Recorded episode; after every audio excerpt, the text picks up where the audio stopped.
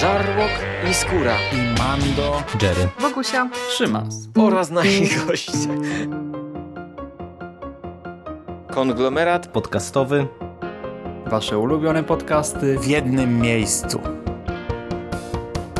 Zapraszamy. Zapraszamy. Zapraszamy. zapraszamy. Zapraszamy.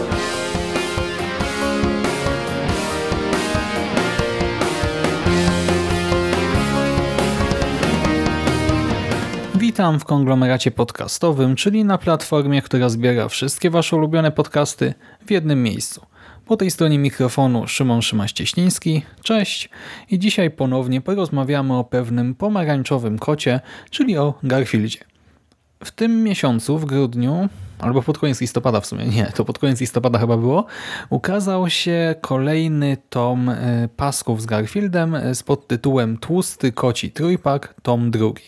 Egmont wydaje u nas te komiksy Jima Davisa w takich e, sporych, kwadratowych książeczkach i każda z nich zbiera jak gdyby trzy roczniki, Garfielda, czy znaczy może nie są to pełne roczniki, no ale te trzy jak gdyby wcześniejsze wydania zbiorcze, to jest wydanie zbiorcze wydań zbiorczych.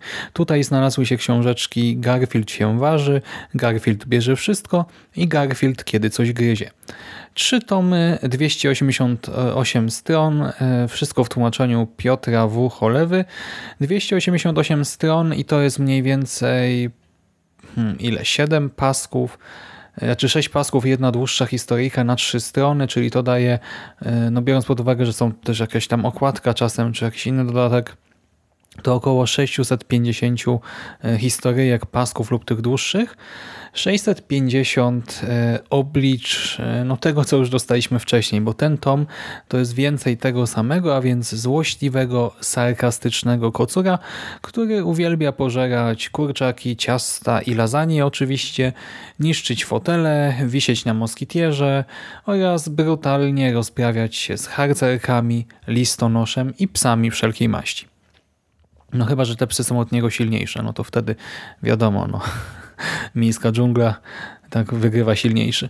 E, w każdym razie e, no ten tom właśnie mocno się nie różni od tego pierwszego. Znowu powracają e, te znane nam postacie, oprócz Garfielda, jego właściciela Johna czy pieska Odiego. Zobaczymy na przykład panią weterynarz i wielką miłość Johna Liz.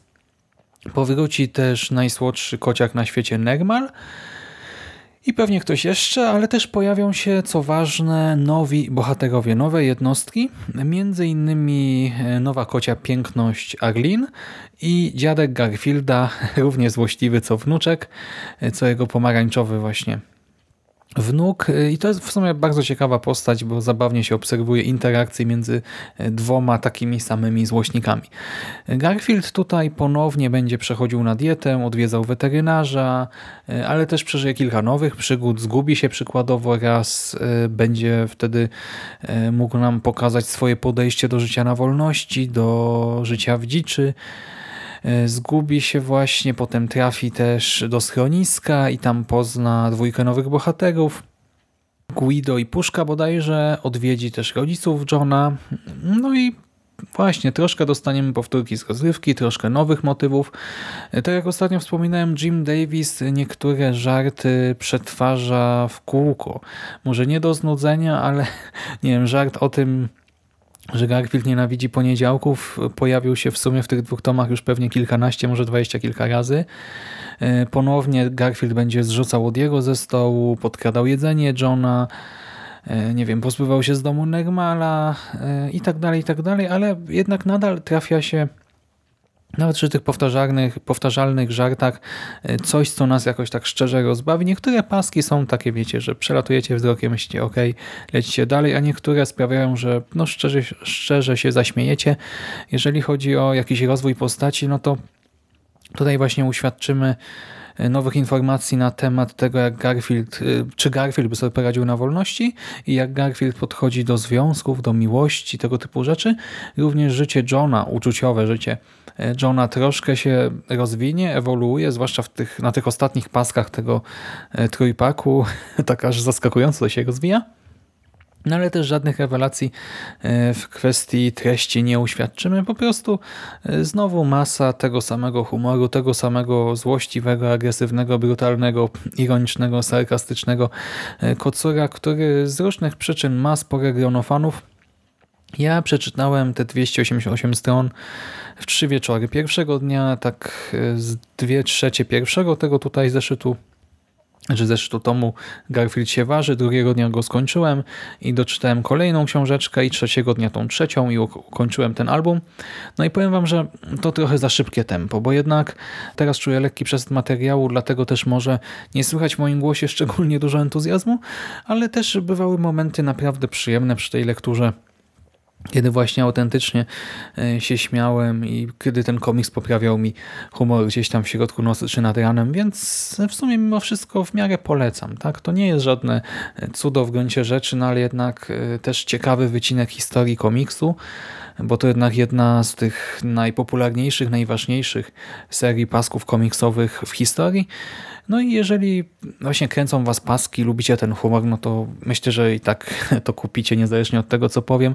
A całej reszcie tak umiarkowanie polecam. No sympatyczne to jest, tylko z drugiej strony wiecie, to jest 80 zł za tom. Nawet jeżeli kupicie to powiedzmy, nie wiem, za 50 zł gdzieś tam w sieci, no to zebranie całej kolekcji to już będzie okrągła sumka. No ale ja się chyba jednak skuszę e, i gdy wyjdą te kolejne numery, to też coś może o nich powiem. Zobaczymy, może w końcu coś tutaj e, się zmieni w tych historyjkach. Na razie po prostu dostajemy znowu to samo. Większość jest dobra, część jest taka sobie. Złych pasków raczej nie uświadczymy. I to wszystko ode mnie na dzisiaj. Dzięki za uwagę, przyjemnej lektury, miłego dnia i do następnego razu. Cześć!